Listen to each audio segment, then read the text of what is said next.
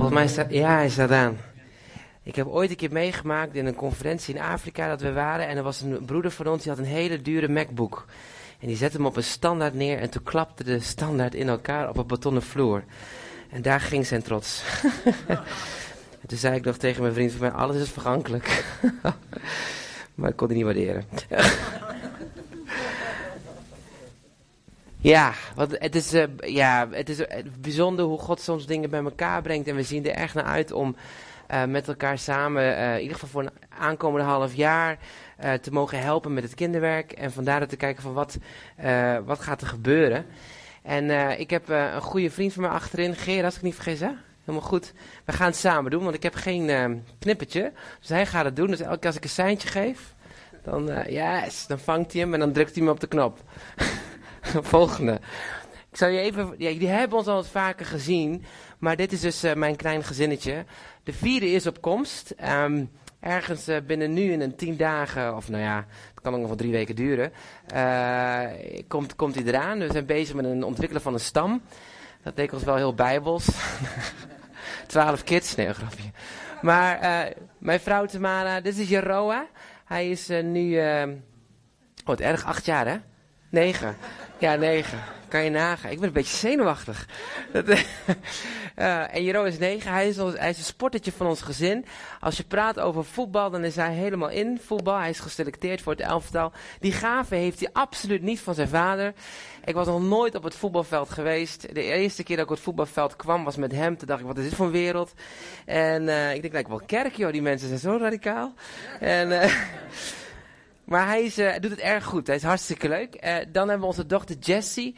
Ze is vijf en uh, ja, dat is een zonnetje in huis. En we genieten... Oh nee, sorry, ze is zes. Excuus me. Want ze altijd prinsesje. Vandaar, zes. Ze is zonnetje in huis. Houdt van zingen, houdt van dansen, houdt van sporten. En onderin, dat is onze leidertje. Dat is, ja, ze is al wat groter hoor. Ze heeft al zijn krulletjes en zo. Ze zijn alle drie geboren met zwart haar. Kan je niet voorstellen? Maar het is echt waar hoor. Geboren met zwart haar. Dus zijn ze blond geworden. Maar ze worden wel weer donker. Onze Indische genen komen langzaam door.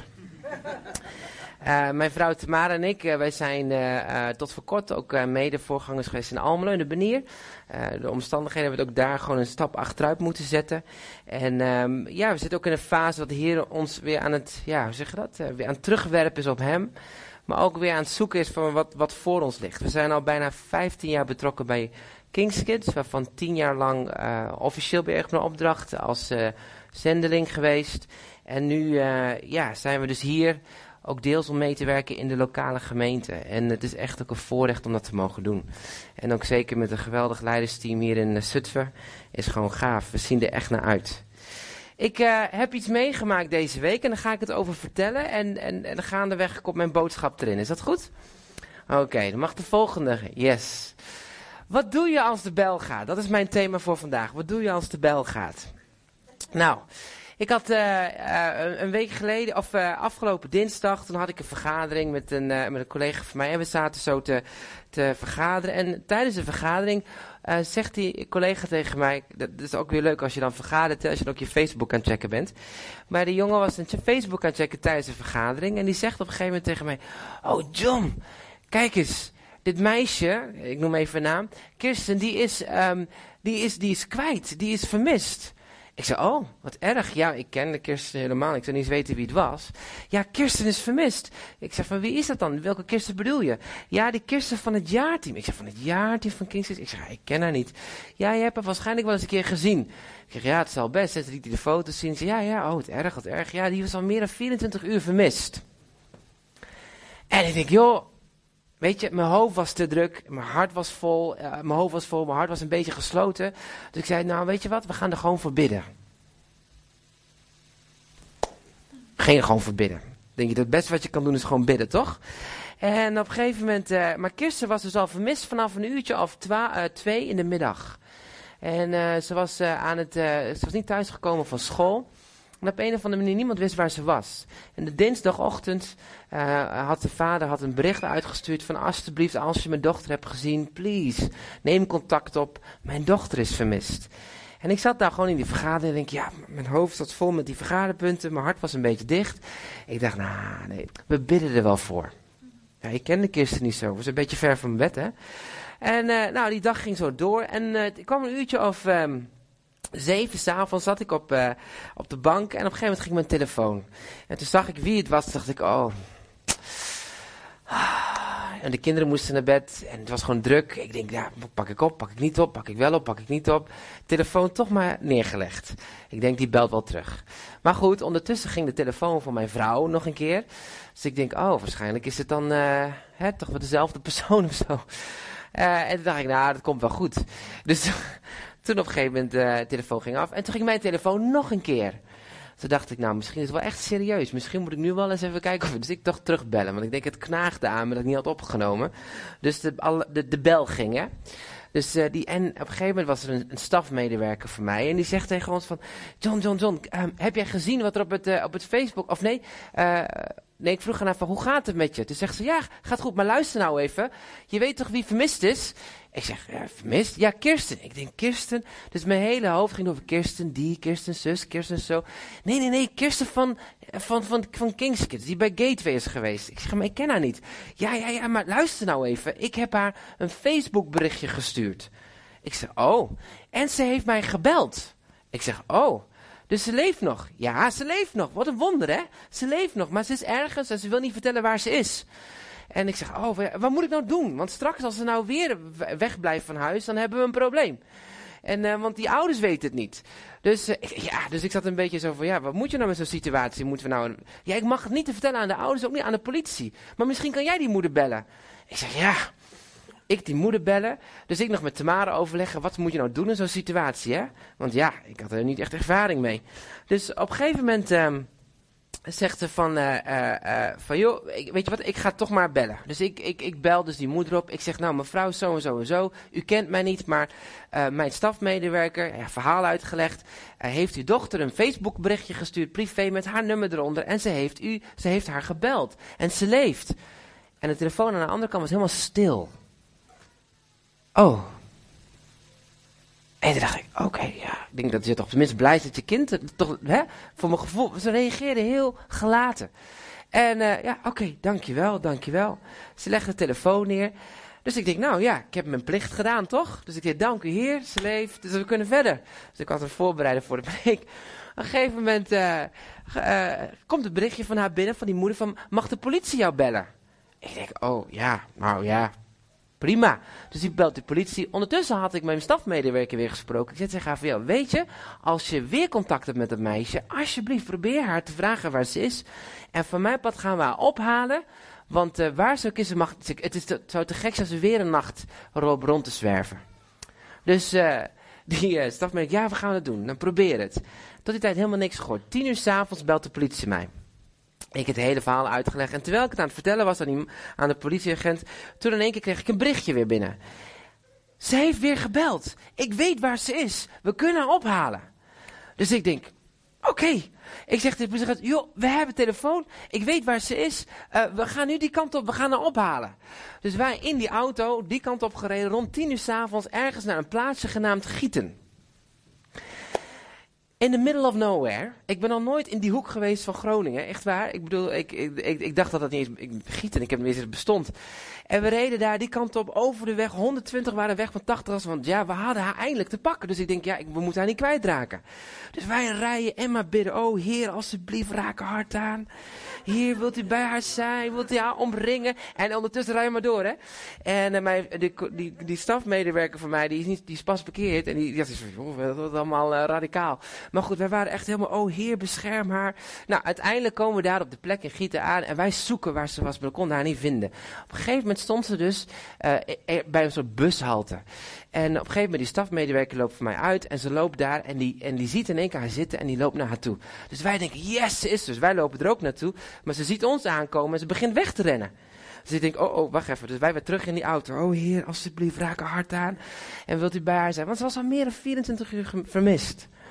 Het aparte was dat de hele nacht was in Groningen dode geweest. Ze had niet gegeten, niet gedronken. En dat was een heel verhaal. Ze was heel, heel wazig. En op een gegeven moment, uiteindelijk komt die stafmedewerker, neemt hem mee naar de auto. En hadden we een deken gezet en ze begon helemaal emotioneel te huilen. En, en, en, wij zeiden, oh, oké.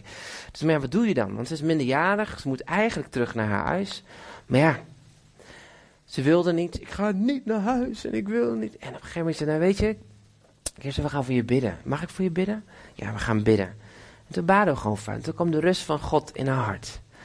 En om een uurtje of, uh, denk kwart over twaalf, half één, toen zei ze van, oké, het is goed.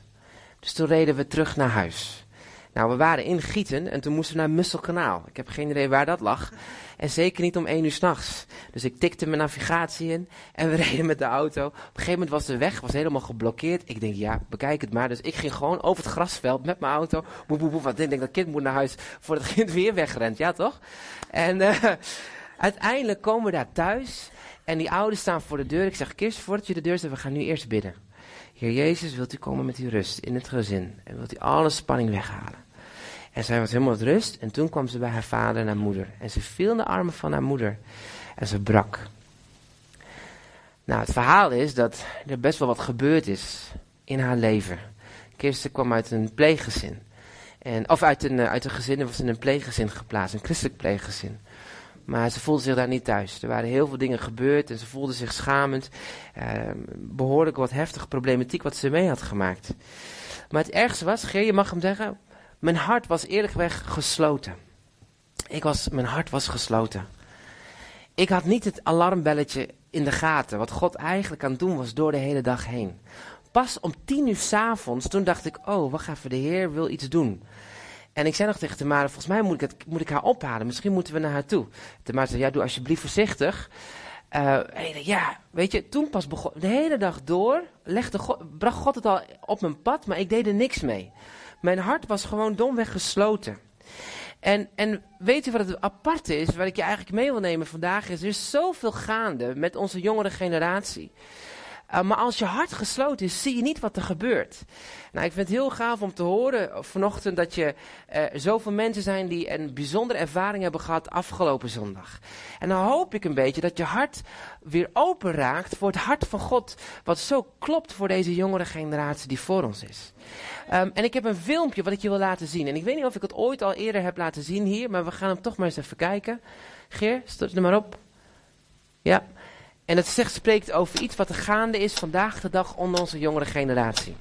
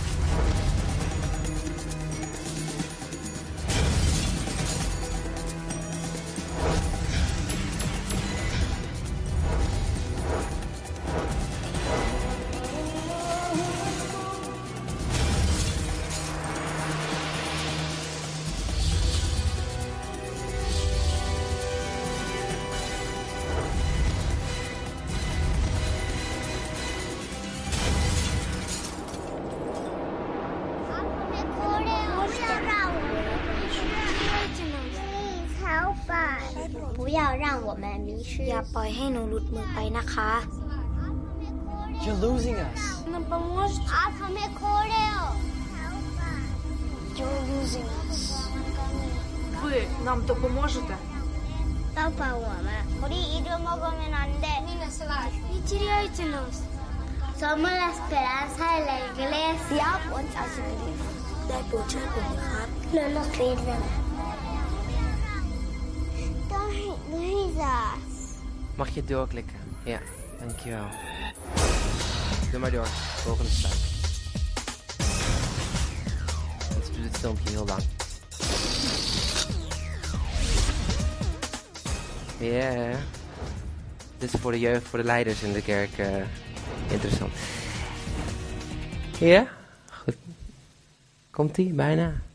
En heftig filmpje als je erover nadenkt, hè, wat daar staat en wat daar allemaal mee gebeurt. We zien vandaag de dag dat er zoveel jongeren de kerk verlaten voor hun achttiende. Bijna 66% verlaat de kerk voor hun achttiende levensjaar. 66%. En een wereldwijd onderzoek, waar ook Kingskids betrokken bij is, is hebben ze ontdekt dat, ehm, dat als we niet ingrijpen in de aankomende 10 jaar met onze kinderen, dat we de kerken het echt verliezen. Ehm, in de evangelische gemeente is er zelfs, mag wel doorklikken hoor. Ehm, ja, dan gaan we door. Is er ook een onderzoek geweest op Europees niveau onder de charismatische evangelische kerk. Ook daar is het nummer, of het cijfer wat kerkverlating betreft, is bijna eh, eh, zes, is ook eh, drie, vier van de zes jongeren die de kerk verlaat. Ehm, en Otto de Bruyne schreef ooit iets in een, in een boekje genaamd Ooit Evangelisch. En ik wil het eigenlijk even noemen uit een krantenartikel wat daarin zeg maar, hij, daar geciteerd wordt. Hij zegt, de meeste haken af, de meeste christenen, jongeren haken af, door verschillen in geloofsvisie. Ze, ze noemen gebrek aan theologische diepgang, over accentuering van de menselijke keuze voor God, een onbeperkt vertrouwen in de zogenaamde woorden van God.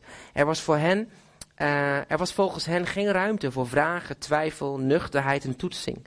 Kortom, geen vrijheid om jezelf te zijn of te denken hoe je dacht. Een hoge en verplichtende maatstaven speelden een rol bij vertrek. Een constante druk om mee te doen met activiteiten en ervaringen. De eenzijdige muziekkeuze en de nadruk op beleving en ervaring in de samenkomsten is voor veel genoemde een afknapper. Voor veel mensen vertrokken mede naar een harde confrontatie tussen geloof en realiteit. Zoals een zieke die na veel gebed niet geneest, terwijl de genezing verwacht werd. Niet de overwinningstheologie of de leiders die het uitdragen krijgen de schuld, maar de gemeenteleden die al lijden aan gebrokenheid. Ze krijgen last van de schuld er nog eens bij, al dus de auteurs. Heel veel mensen, jonge mensen, met name jonge mensen, verlaten de kerk bij bosjes. Bij bosjes. En het is verschrikkelijk dat zelfs in Nederland op het niveau eh, vandaag de dag eh, ook gewoon eh 60% echt de kerk verlaat van jongeren voor een achttiende. En het heeft tal van oorzaken. Het is niet zozeer dat het alleen maar aan de kerk ligt, of alleen maar aan de opvoeding ligt, of alleen maar aan de maatschappij ligt. Het is een combinatie van factoren die meespelen, waardoor jongeren de kerk verlaten.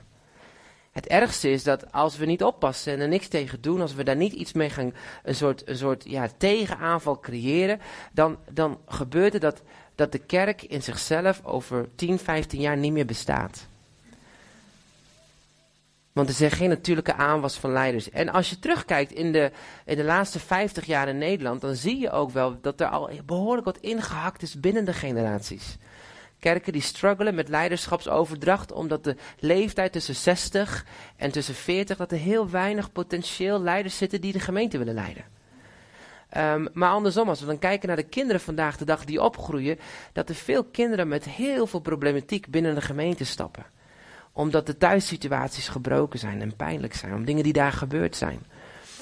En, en God stelt ons voor een grootste opdracht. Dus denk ik niet alleen maar de wereld te verkondigen van het evangelie door naar A naar B te reizen, maar juist ook gewoon door de generaties zijn woord door te geven. En vandaag de dag moeten we realiseren dat, die, dat, dat wat we zien onder jongeren, die 66% kerkverlating, dat het schrikbarend is.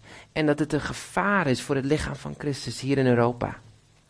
Ehm, Eh, er was een, eh, een onderzoek gaande en die heeft ontdekt dat als kinderen tussen 4 en 14 jaar een keuze maken voor Jezus, dat zij het meeste overlevingskansen hebben op lange termijn in een geloofsleven. Tussen 4 en 14 jaar noemen ze het ook wel de gouden uur. En 80% van de jongeren die dan kiezen tussen 4 en 40 jaar, die keuzes worden bepaald in de derde plaats door autoriteitsfiguren. Nou, wat zijn autoriteitsfiguren? Dat is de leraar, de sportleraar, de jongerenwerker, de jeugdleider, de kinderwerker. Jonge mensen die in een leven van een generatie inspreken en hun leren wie ze zijn. En vandaar is het ook zo belangrijk dat we gezonde kinderwerkers hebben, gezonde jongerenwerkers hebben. Dat gasten vol zijn van de geest van God, maar ook het woord van God. En een karakter hebben dat dwars door die moeilijke vragen van het leven heen, dat ze richtingwijzer zijn naar Jezus. Een autoriteitsfiguur. Een tweede wat daarmee speelt is de, de, de leeftijdsgenoten, de vrienden. Vrienden zijn wel heel belangrijk voor jonge mensen vanwege keuzes die ze maken, maar niet het belangrijkste. En vaak denken ouders, wanneer kinderen tieners zijn, tussen de 12 en zeg maar 16, dat ze dan hun kind kwijtraken, dat alleen hun vrienden op hun in kunnen spreken. Maar e- uit onderzoek blijkt dat in de eerste plaats altijd de ouders, de familie en het gezin de grootste impact hebben in de keuzes van jongeren om Jezus te volgen of Jezus niet te volgen. Dus dat betekent ook dat jongerenwerk niet sec alleen maar een dienst draaien is op zondag, maar dat begint al helemaal thuis. Dat begint al ons dagelijks leven. Dat begint al bij het moment dat je samenkomt aan tafel. Of hè, wat je als gezin samen geloof beleeft en uitleeft. En als dat er niet is, dan is zo'n kinderwerk, zo'n één uurtje per week, of twee uurtjes per week, is niet voldoende. Want op school, ook al gaan ze naar een christelijke school, krijgen ze een tsunami van humanistische christelijke waarden over hun heen. Christelijk, dus aanhalingsteken. Die hun gedachten doordringen, maar die soms haaks zijn op het woord van God. En daarom is een grote opdracht voor de gemeente vandaag dat we daar iets mee gaan doen. Nou, je denkt van, joh, is het nou dan zo uniek? Nou, als we terugkijken, mag je doorklikken, Geer, dan zien we in de Bijbel dat er al dit soort aanvallen op generaties al plaatsvinden. En de eerste die we terugvinden is in de tijd van Mozes. We zien in de Bijbel daar dat de generatie van Mozes eigenlijk uitverkoren was door God om zijn koninkrijk te stichten hier op aarde. Zijn volk, door het volk Israël. En Satan, de boze, is daar totaal niet blij mee. Hij dacht bij zichzelf, dat moet ik zien te voorkomen. Dus zijn reactie was, ik gebruik Farao. En ik zorg dat al die jongetjes vermoord worden. Zodat het koninkrijk van God niet gesticht zou kunnen worden. Dus hij heeft een gigantisch grote ja, kindermoord laten pla- plaatsvinden. Eh, en dat is de eerste die we ook in de geschiedenis als, als zodanig opgetekend zien.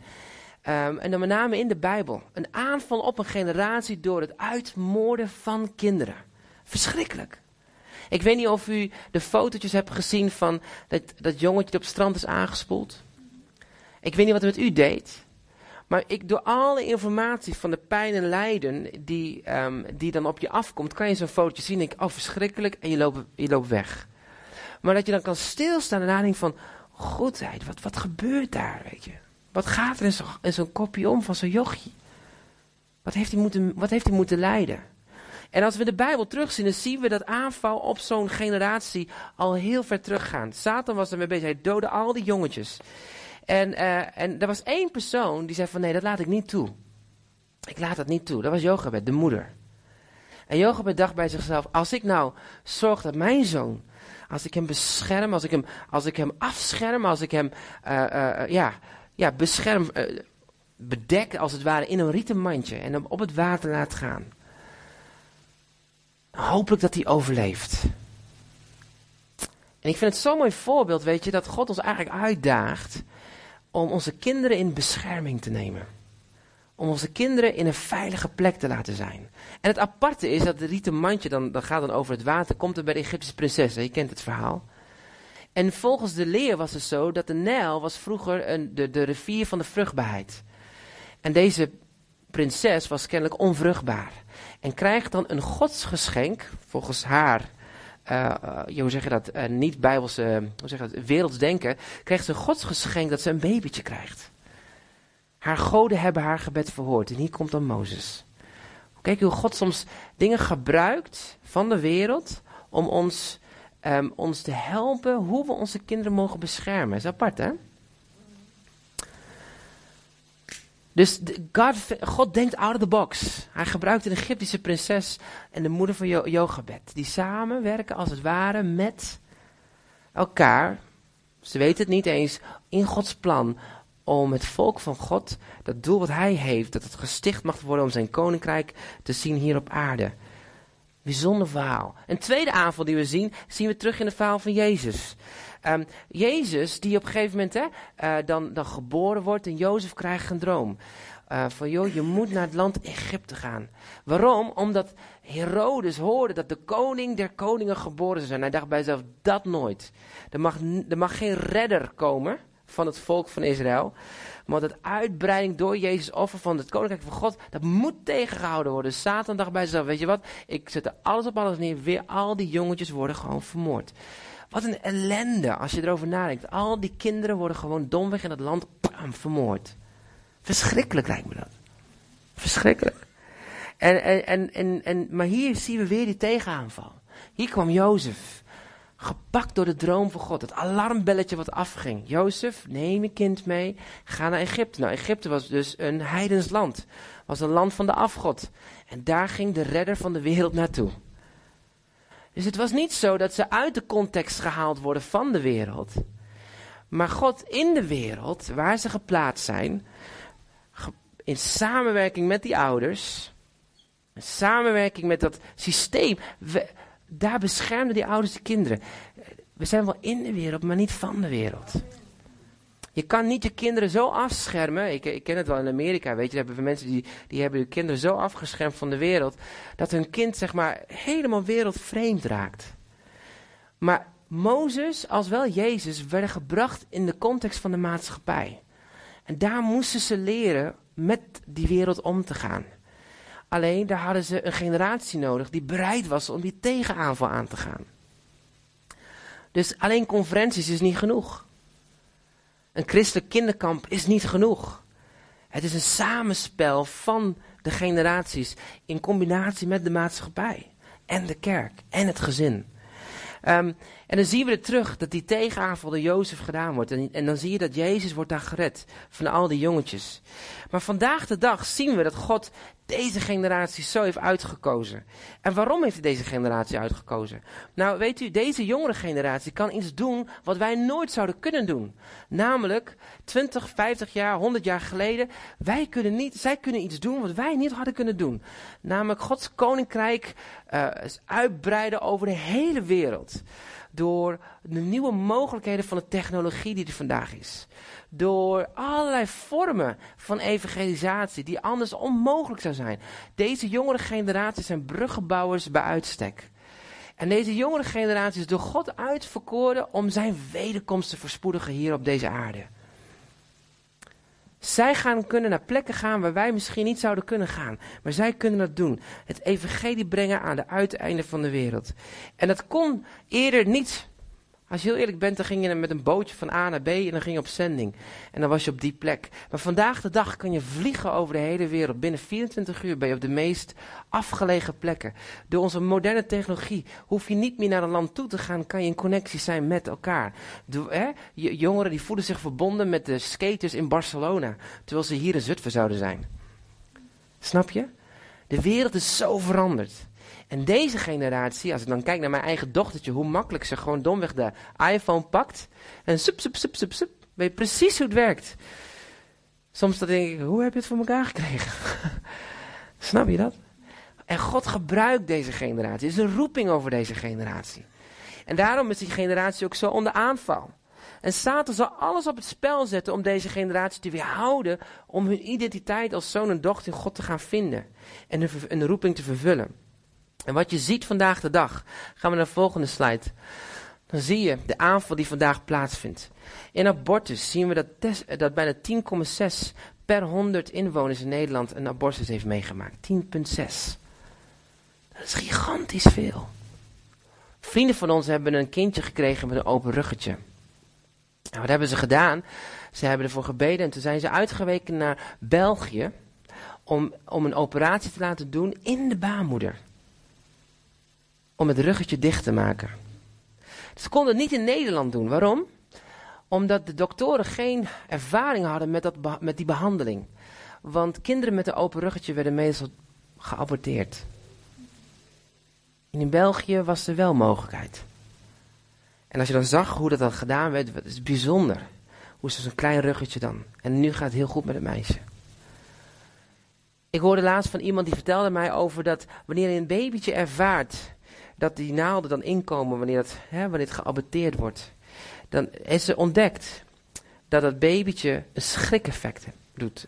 Het, reageert op die naald die binnendringt in de baarmoeder. Het is bewust van de pijn die gebeurt. Dat is moord.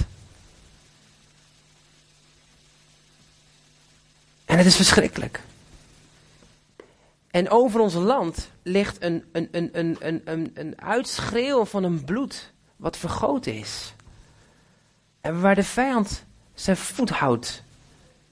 En daarmee ons bindt in onze zonde als land. Um, seksueel misbruik uh, in de afgelopen jaren is bijna 40% geworden. Dat is heftig, hè? Eenzaamheid onder jongeren is uh, op dit moment 38,3%.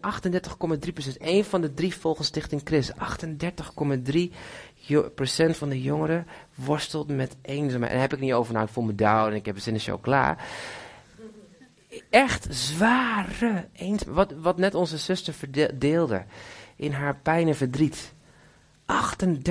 38,3 procent. En dat zijn dan jongeren. En dan hebben we over um, uh, depressie onder jongeren. 1 op de 10 loopt depressie.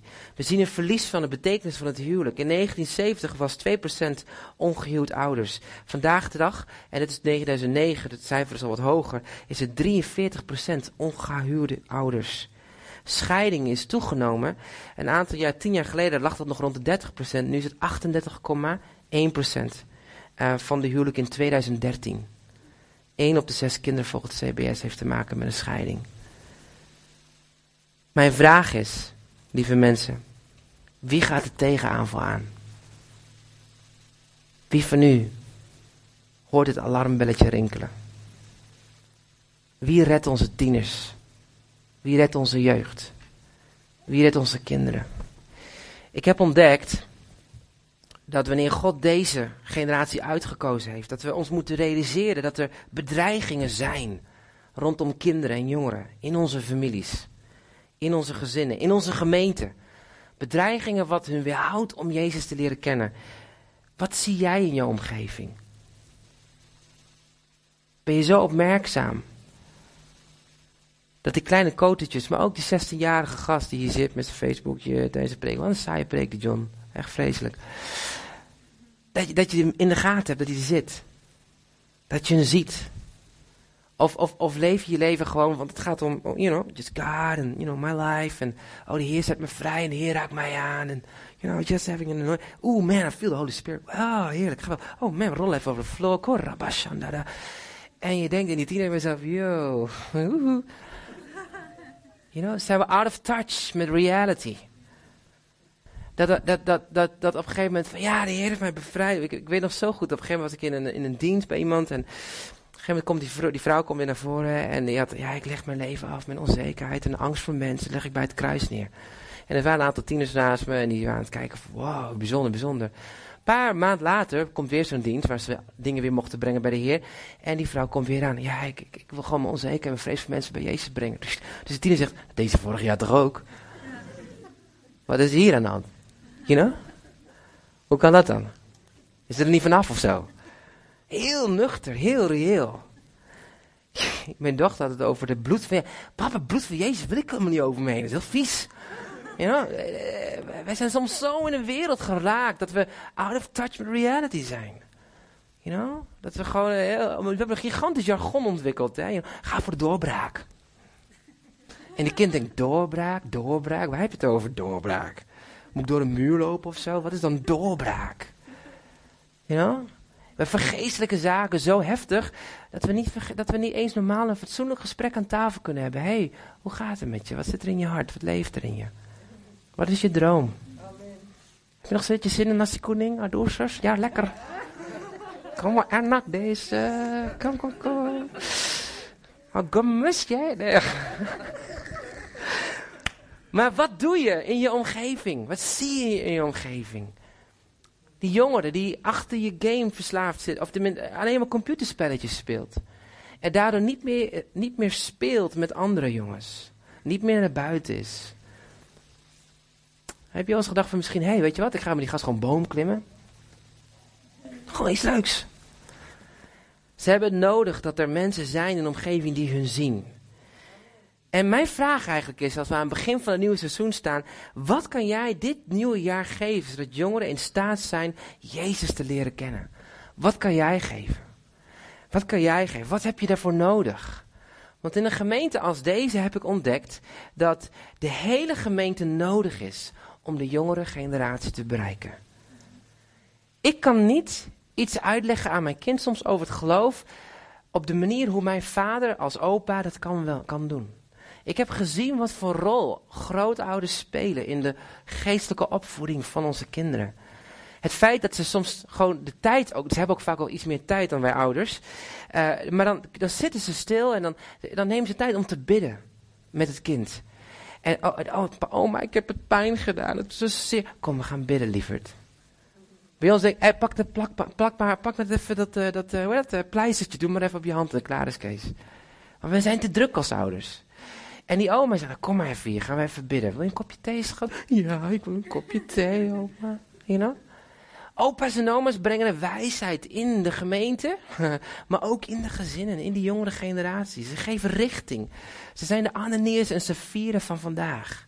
Die bidden voor de generatie. Niet alleen maar, Heer, bescherm ze van de drugs.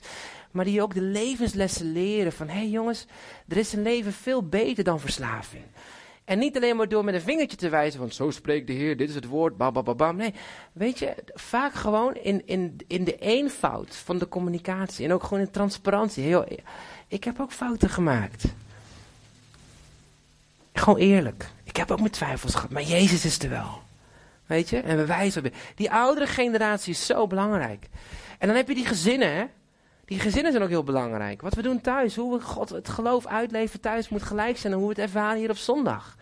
we kunnen praten over Gods stem verstaan op zondag, maar als je het niet thuis toepast en niet probeert thuis met elkaar tijd te nemen om zijn, zijn stem te horen, dan is er een mismatch, een mismatch voor jongeren. En dat blijft in hun hoofd spelen. Aanbidding, wat we hier doen op het podium, of met elkaar samen als gemeente, dat moet gelijk zijn als je aanbidding met je gitaartje thuis zou zijn. Als een tiener bij jou binnen zou komen in jouw huis. Moet je dan eerst je hele huis schoonmaken en reinigen en je geschiedenis van je computer wisselen voordat? Of kan die binnenkomen in je huis? En zien, hé, hey, daar is Jezus. Daar is God. En, en, en dat samenspel hebben we nodig. We hebben een hele gemeente nodig om die jongere generatie te bereiken. En daarom vind ik het alleen maar mooi dat we samen mogen komen met elkaar om het ook samen te doen. Ik ben niet perfect, geef het al eerlijk toe. Ik heb een heel waslijst aan dingen die niet goed zijn in mijn leven, maar heb geduld met me. Ik ben een werk en uitvoering. En ik denk, jullie, met elkaar samen kunnen we iets betekenen met de Heilige Geest die ons daarin helpt om deze generatie te bereiken. Ik wil je eigenlijk dit meegeven. Wat doe je als de bel gaat? Ik wil je even meenemen terug naar het verhaal van dat meisje wat dan weggelopen was. Dat meisje was meer dan 24 uur kwijt. Had niet gegeten, niet gedronken. En dan komt de stafmedewerker die mailt haar. En die, of die appt haar via een privéberichtje op Facebook. Ik wil je vertellen over, die, over, dat mij, over onze stafmedewerker. Onze stafmedewerker komt naar Amsterdam. En die woont in Almelo. Heb je ooit een Amsterdammer in Twente gehoord? Die, waar het plat praat in Amsterdam. Dat matcht niet echt. Lang verhaal kort. Haar leven is zo heftig geweest ze heeft zoveel nare dingen meegemaakt als vrouw. Uh, toen zij ooit een keer ons verhaal deed naar ons toe, Tamara en ik wisten gewoon even niet hoe we daarop moesten reageren. Van alle ellende die zij heeft meegemaakt. Mishandeling, echtscheiding, misbruik. Man, man, man, man, man. Wat was nou het geval? Zij ging meehelpen bij ons in een conferentie van King's Kid Gateway. En zij deed mee en ze was gewoon praktisch bezig. En ze stond op een gegeven moment op een balkon. En tijdens de dienst, werd er gevraagd of alle ouders van de oudere generatie naar voren wilden komen. En dan mochten de jongeren naar de oudere generatie toestappen. En dan mochten ze elkaar omarmen. En dan mochten ze zegen voor elkaar bidden. Dus Astrid komt eraan. En Astrid die houdt nog wel van rookoffers. Die, die was er een beetje vol spanning. En die dacht, waar is mijn sigaretje? Ik was me echt een beetje spanning. Ja, het was gewoon spanning in haar. Dus op een gegeven moment, zij stond daar. En op een gegeven moment komt dus, niet vermoedend, komt dat meisje Kirsten naar haar toe. Zij kent Kirsten ook niet. En uh, nou, Kirsten die, die gooit haar verhaal een beetje eruit. En als ze denkt, ja, wat moet Ja, zegt ze, zegt ze, keer, je zal me, zal me toch niet begrijpen. Je begrijpt me toch niet. En, eh, en onze stafmedewerker zegt, nou, ik begrijp je wel. Maar ik weet wel dat geen enkel psycholoog je begrijpt en ook geen hulpverlener begrijpt je allemaal niet. Want jij hebt niet meegemaakt wat ik mee heb gemaakt. Hij, dus zei de staf, ik heb wel meegemaakt wat jij mee En nog erger. Dus ik weet precies waar je het over hebt. En dan hadden ze een klein momentje van contact. En in haar gebrokenheid heeft ze gewoon uitgereikt naar dat meisje. Maar verder hebben ze een keer Facebook uitgewisseld. Geen contact gehad, maanden niet. Want dit was in mei en we zitten nu in eind augustus. September eigenlijk, ja. Zo, eh, het was september, ja. En uh, geen contact gehad. Helemaal niks. En God gebruikt dat ene moment in een staflid die zelf nog door dingen heen gaat. Gebroken was in haar eigen hart. Pijn heeft. Haar gezin ook door moeilijke dingen heen gaat. God gebruikte haar. Niet mij. Maar haar. Ze was zo spanning op een gegeven moment. Wij waren binnen in die auto. Zij stapte die auto. Ik moet hem sigaretje roken. Dan ging ze weer. En dan ging ze erop uit naar het meisje toe. Haar ze had niet veel. Ze had maar vijf broodjes. Twee, en misschien voor haar gevoel vijf kruimeltjes en twee graadjes. Maar dat wat ze had. Dat gebruikte ze voor Jezus. Ze had niet veel. Ze was gebroken. En, en als je haar hoort, zegt ja, ik weet helemaal niet hoe ik moet bidden. Ik weet helemaal niet hoe ik dat moet doen. Maar de Heer gebruikte haar. Het alarmbelletje wat rinkelde, pikte zij op. En wat ik daarmee wil zeggen is dit. Weet je, Jezus die zegt dat ook op Matthäus 25, 34 en 40. Die spreekt erover van, um, je hebt mij gekleed. En je hebt me eten en drinken gegeven. En je hebt dit voor mij gedaan. En dan zeggen die mensen, ja, maar hoe hebben we dat gedaan dan? Want je deed het voor de ander. Je zag de nood van de ander, je deed het voor de ander, daarom deed je het voor mij. Ik zeg het even vrij vertaald. Weet u, u hoeft niet een perfecte heilige te zijn om deze generatie te bereiken. U moet uzelf zijn. U mag uzelf zijn. En als je jezelf bent, met jouw gebrokenheid, vijf boten, twee visjes, en je bent gewoon dood eerlijk over hoe je er soms in staat dan geloof ik dat je een connectiepunt gaat krijgen met de jonge generatie. En dat je het hart van de jongere generatie terug kan brengen naar het hart van de vader. En het hart van de vader terug naar het hart van de zoon. En dan zegt de Bijbel, dan zal het land niet met een vloek gestraft worden, maar dan komt er zegen. Want God is een God van zegen. Het enige wat we nodig hebben, is dat de Heer aan ons vraagt, wie zal ik zenden? Wie wil voor mij gaan? We hoeven niet namens God te gaan. We hoeven niet maar Jezus zegt, wil je met mij gaan? Wie wil voor mij gaan? Ik ga met je mee. Laat je nooit. Met tot het uiteinde van de wereld ben ik bij je. Mijn geest leg ik op je. Ik ben in jou. En ik, ik maak jou bekwaam om met die generatie te connecten. Hoef je niet voor te doen. En dan hoef je alleen maar te zeggen, ja Heer, hier ben ik, zend mij. Zend mij. Heer, ja, ik zou het zelf niet kunnen doen. Maar wilt u mij gebruiken? En dan komt die gloeiende kool. Die raakt je lippen aan reinigt je, heiligt je. Want de Heilige Geest komt over je. En geeft je inzicht. En zegt, John, maar ik ben helemaal niet zo perfect. Mijn gezin is een mes. Of ik ben zelf, heb ik door een moeilijke periode gegaan. Ik ben alleen, mijn kinderen zijn weg. Wat kan ik nou betekenen voor de generatie in onze gemeente? Nou, sterker nog, u weet wat pijn is. U weet wat pijn is. Misschien nog wel meer dan dat ik dat zou weten. U weet wat verdriet en eenzaamheid is. U kan identificeren op plekken waar ik niet kan identificeren, maar u weet het wel, want je bent er doorheen gegaan. God wil jou en mij gebruiken. Met wat we hebben. Om deze generatie te bereiken. mijn vraag aan u is, als gemeente. Laat het kinderwerk niet afhangen aan een, aan een, aan een, paar overenthousiaste kinderliefhebbers. Laat de jongeren niet alleen maar lekker bij elkaar komen omdat er een één of twee mensen zijn die nou geweldig tieners leuk vinden om te mee op te trekken. Weet je, God roept ons allemaal op om deze generatie te bereiken. De hele gemeente is nodig om deze generatie te bereiken. Ben je bereid? Ben je bereid? Ben je zeg, ja heer, ik wil daarin ingezet worden. grootste erfenis die wij als gemeente kunnen doorgeven, is de liefde van Jezus aan de volgende generatie. Dat is de grootste erfenis. Niet de structuur van de kerk, niet de vorm van de dienst, niet de doorbraak. You know? It's just gewoon liefde. De essentie van het geloof is vriendschap met God. En vriendschap met elkaar. That's it. En als we terugkomen naar dat stukje, dan maakt het niet meer uit. Of je nou in een heel groot gebouw zit, of dat je met duizend man bent, of dat je met tien man bent. Maar dan gaat het om leven met Jezus en leven met elkaar. Tot slot wil ik je dit zeggen als bemoediging.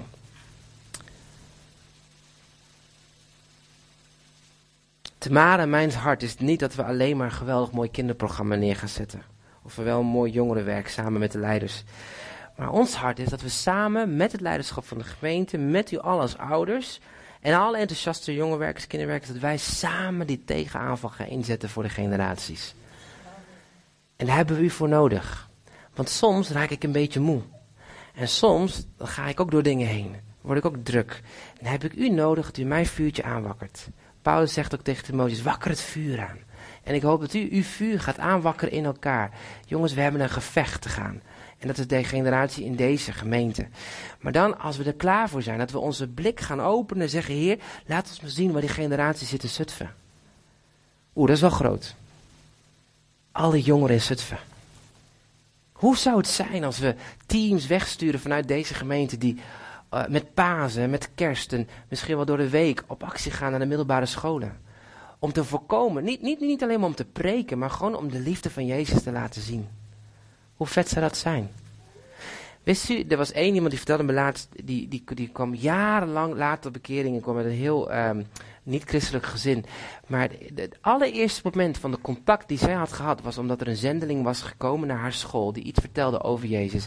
En dat was haar turning point, dat zaadje.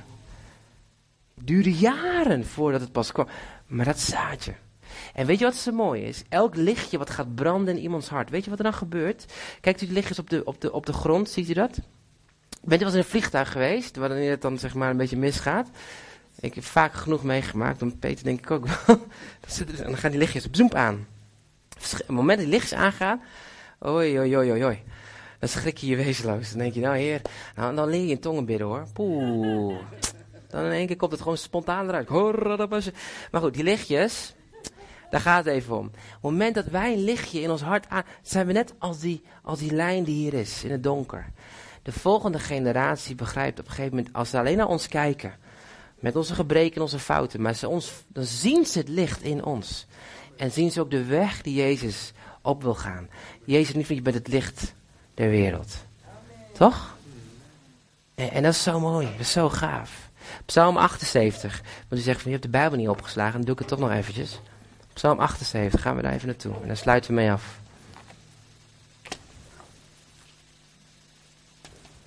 Psalm 78.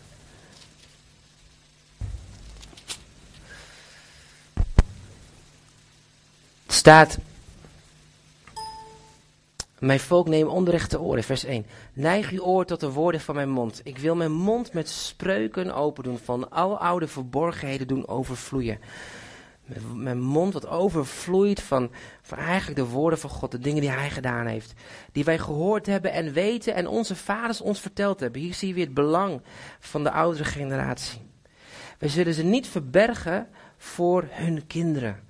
Een statement die de generaties maken zegt, nee, we gaan niet stoppen te, te weerhouden dat die jongere generatie begrijpt wat die verborgenheden van God zijn. Maar aan de volgende generatie de loffelijke daden van de Heer vertellen. Wij gaan het doorgeven aan die volgende generatie. Zijn kracht en zijn wonderen die hij heeft gedaan. Ja, en als je dan even zit met je kind en je hoort dan over demonen, denk je, oeh, maar weet je wat zo mooi is? Als het horen, wij als ouders, als generaties, kunnen met die kinderen gaan praten. Hé, hey, wat betekent dat voor jou? Wat houdt het in? Er is een teachable moment daar. Hè? En dan zegt hij, want hij heeft onze getuigenis ingesteld in Jacob, een wet vastgesteld in Israël, die hij onze vaderen geboden heeft, om ze hun kinderen bekend te maken, opdat de volgende generatie ze gaat leren kennen. En zij opstaan en ze weer aan hun kinderen vertellen, zodat zij hun hoop op God stellen en Gods daden niet vergeten, maar zijn geboden in acht nemen. In de grondtekst staat hier zelfs de kinderen die ongeboren zijn. De generatie op generatie doorgeven, zodat zij hun hoop op God hebben. Er is dus mogelijk dat die jongere generatie niet de kerk uitgaat, maar dat zij de kerk zijn van de toekomst. En dan hoorde ik iemand al zeggen, ja, die zijn niet alleen maar de kerk van de toekomst, ze zijn ook de kerk van vandaag. Kinderen hebben een plek in deze gemeente. Jongeren hebben een plek in deze gemeente. Ze zijn de gemeente van vandaag. God wil ze nu gebruiken. Niet over twintig jaar, maar nu. En ik hoop dat u met mij samen daar een plek van ruimte in gaat creëren. Amen. Amen. Zullen we gaan bidden? Dank u wel, Heer, voor uw trouw en uw liefde. Dank u wel voor uw zegen. Dank u dat u hier bent. Dank u wel, Heer, dat u de alle generaties op uw hart heeft. En dat we samen met elkaar, Heer, die, die, dat alarmbelletje mogen horen. Wat u wil laten rinkelen in ons hart. Dat er een roep is voor de generaties. Heer, uw hart is gebroken om dat jongetje wat daar verdronken lag. Uw hart is ook gebroken, Heer, voor het kind dat eenzaam voelt in ons midden. De jongen die verslaafd is, Heer. Meisje die worstelt met haar identiteit. Die geen liefde voelt of ervaart. Vader, waar een prestatiedrang en druk zo hoog is. Heer, u ziet al die generaties, u ziet al die jongeren, alle ouders, u kent ze allemaal stuk voor stuk. Heer, help ons als gemeente, uw roepstem daarin te verstaan. En Heer, we willen net als Isaiah zeggen, Heer, zend mij. Zend mij. Zend mij. Dat ik zal begrijpen dat de grootste roeping en de grootste opdracht die de kerk vandaag de dag heeft, niet alleen maar gaat om, ja, om, om een groter gebouw, maar de, is, is om, te, om de jongere generatie te bereiken voor u. Heer, help mij dat mijn alarmbelletje gaat rinkelen. Dat mijn ogen wagenwijd openstaan. In Jezus' naam. Amen.